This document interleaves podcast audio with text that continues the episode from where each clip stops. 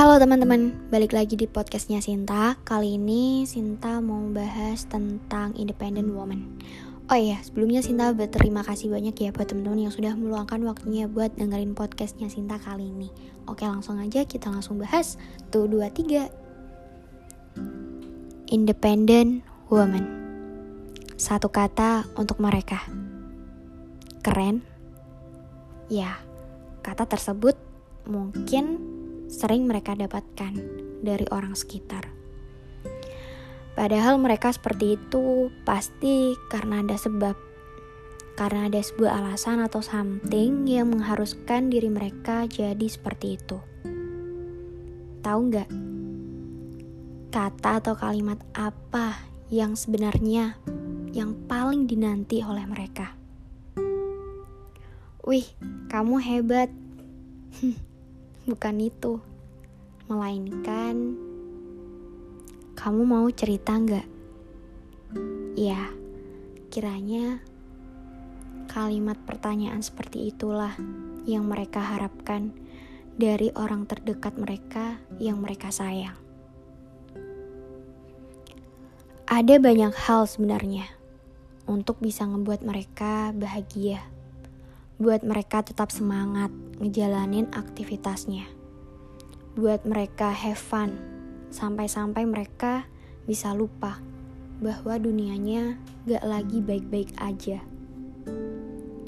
Semua orang bisa banget loh ngelakuin hal-hal random yang bikin mereka senang.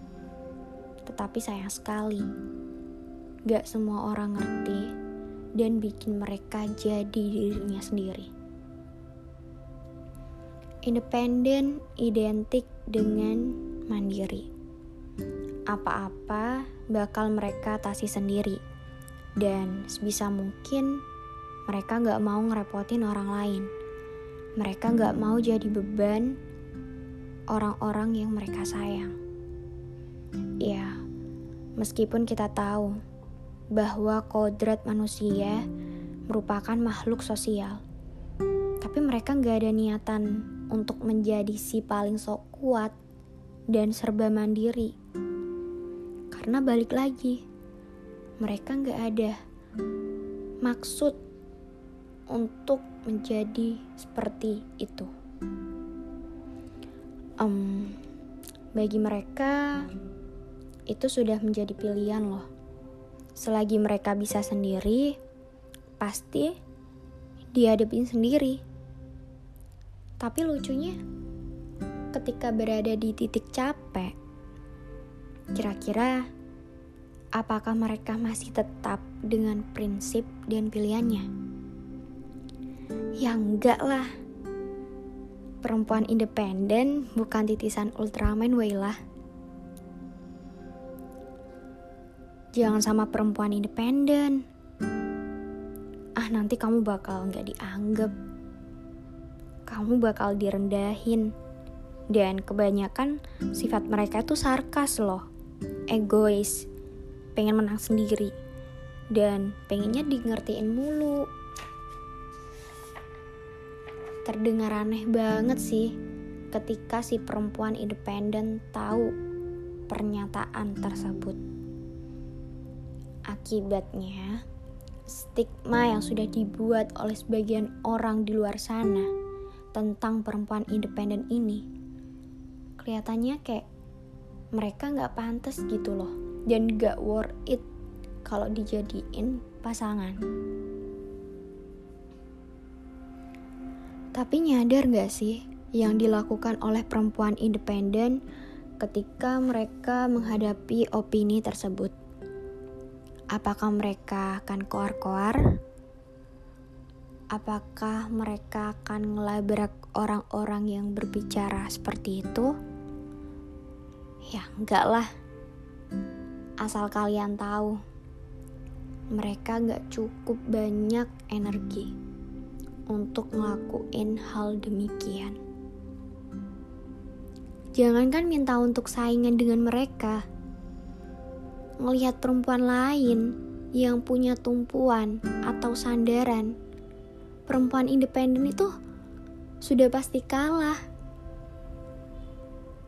ketika orang lain sibuk membuat stigma, mengumpulkan berbagai opini yang ada. Mereka cenderung bodoh amat.